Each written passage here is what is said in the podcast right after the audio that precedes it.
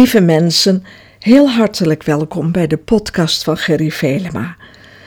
Ik geef je een verdieping weer door, zoals ik hem ook heb gebruikt voor de bemoedigingssite. Je moet weten dat ik iets met scherven heb. En niet alleen scherven brengen geluk, maar ons leven is zo'n voorbeeld van allerlei gebrokenheid. Ik kan me, me nog herinneren een keer dat ik bij een huwelijksbevestiging een herbevestiging was van een stel wat heel veel had meegemaakt. En ze verlangden ernaar om nadat hun huwelijk door een moeilijke periode was gegaan, om opnieuw voor Gods troon te komen en die eenheid, die kostbare eenheid die ze wensten te zijn, opnieuw te laten zegenen door de Heer.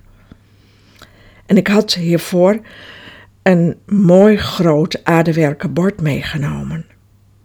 En terwijl ik eigenlijk bezig was om wat uit te leggen over de beweegredenen waarom we samen waren gekomen, liet ik ten overstaan van de mensen die gekomen waren om het mee te vieren, dat mooie bord letterlijk kapot vallen.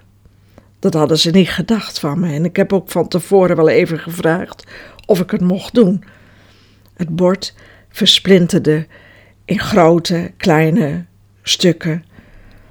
En ik nam een scherf en toen zei ik: Stel nou dat je op dit stuk nu zo eten moet leggen voor je, voor je kinderen. Dan ga je begrijpen dat een gebroken bord ook iets doet met je kinderen, met de functie die het heeft.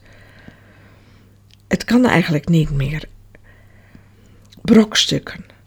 Het lijkt wel alsof we, alsof we trouwen en elkaar voor alles beloven en even later valt het stuk.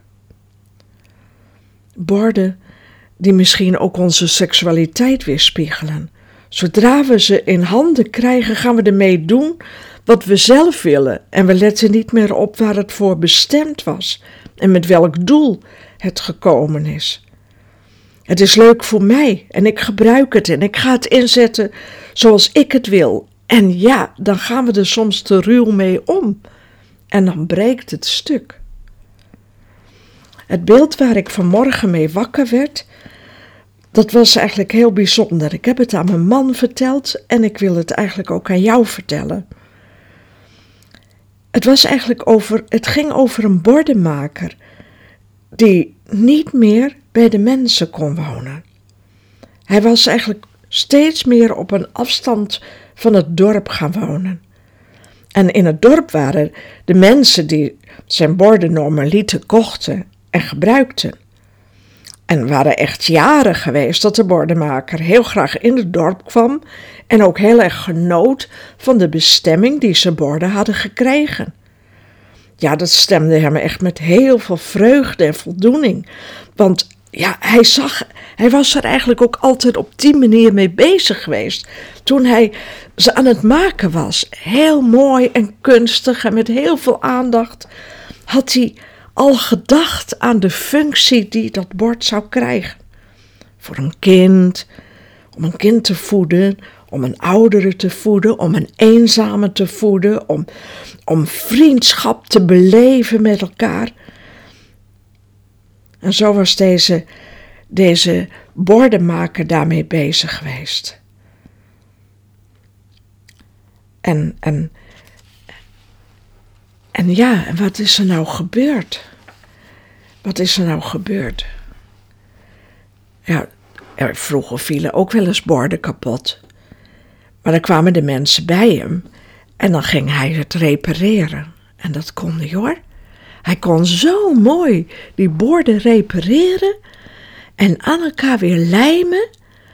Echt, nou dat je het gewoon bijna niet kon zien dat het gebroken was geweest.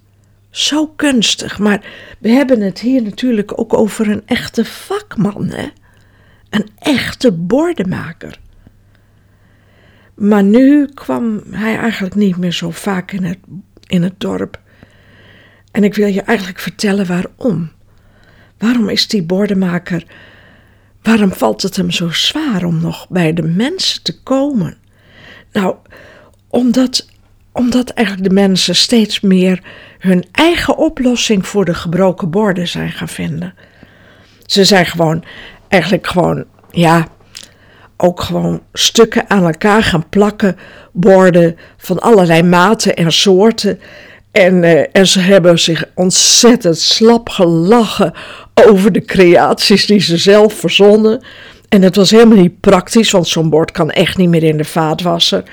Want die zit, bestaat wel uit verschillende lagen en het vuil komt er overal tussen. Maar dat deed er allemaal niet toe. Ze hadden een eigen oplossing en ze dachten en ze maakten tegen elkaar grapjes en ze bejubelden op een uitzinnige manier soms het resultaat van hun eigen samengestelde borden. Er waren ook mensen en die zeiden: We moeten helemaal af van die porseleinen borden die die bordenmaker altijd maakt. We moeten gewoon houten borden nemen of plastic borden. Dat gaat gewoon niet kapot. Want ja, wij gaan toch wat ruwer met dingen om. En we willen echt vooral op onze eigen manier met borden omgaan. Niet dat voorzichtige, niet dat bedeesde, maar wat wij ermee willen doen. Ja. En, en, en, en ze noemden het ook van, je moet kijken naar, naar, de, ja, naar de goede bedoeling die erachter zit. Hè? Als iets kapot is, nou ja, dan moet je gewoon dat weer lijmen. En, en ja, wat doet het er nou toe hoe het precies gelijmd wordt? Eigenlijk is die pottenbakker of die, die bordenmaker ook een beetje een grote zeur hoor. Want, want, want, wij kunnen ook heus wel op onze zelfgemaakte en samengestelde borden eten leggen en onze kinderen te eten geven. En het gaat om de verbinding, hè? Het gaat om de herstelde verbinding. En om de liefde, hè? Om de liefde. Ja. En de bordenmaker, hij kon het werkelijk niet meer aanzien. Hij kon het niet meer aanzien wat er met zijn borden was gebeurd. Verbindingen.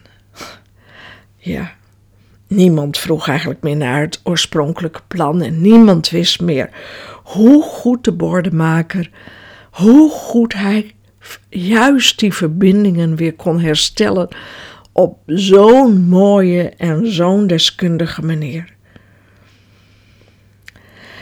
Weet je, ik lees jullie voor uit Timotheus 4. Daar staat iets heel bijzonders. Paulus begint zo: Ik roep je dringend op ten overstaan van God en van Christus Jezus, die zal oordelen over de levenden en de doden. Ik bezweer je bij zijn komst en heerschappij. Nou, eigenlijk zou je kunnen zeggen wat er nu komt. Het lijkt wel alsof Paulus bijna niet kan kan overdragen hoeveel gewicht er in deze woorden ligt die nu gaan volgen. Waar zegt Paulus dat elders in de Bijbel? Ik weet het niet hoor. Ten overstaan van God en van Christus Jezus. En ik bezweer je bij zijn komst en heerschappij.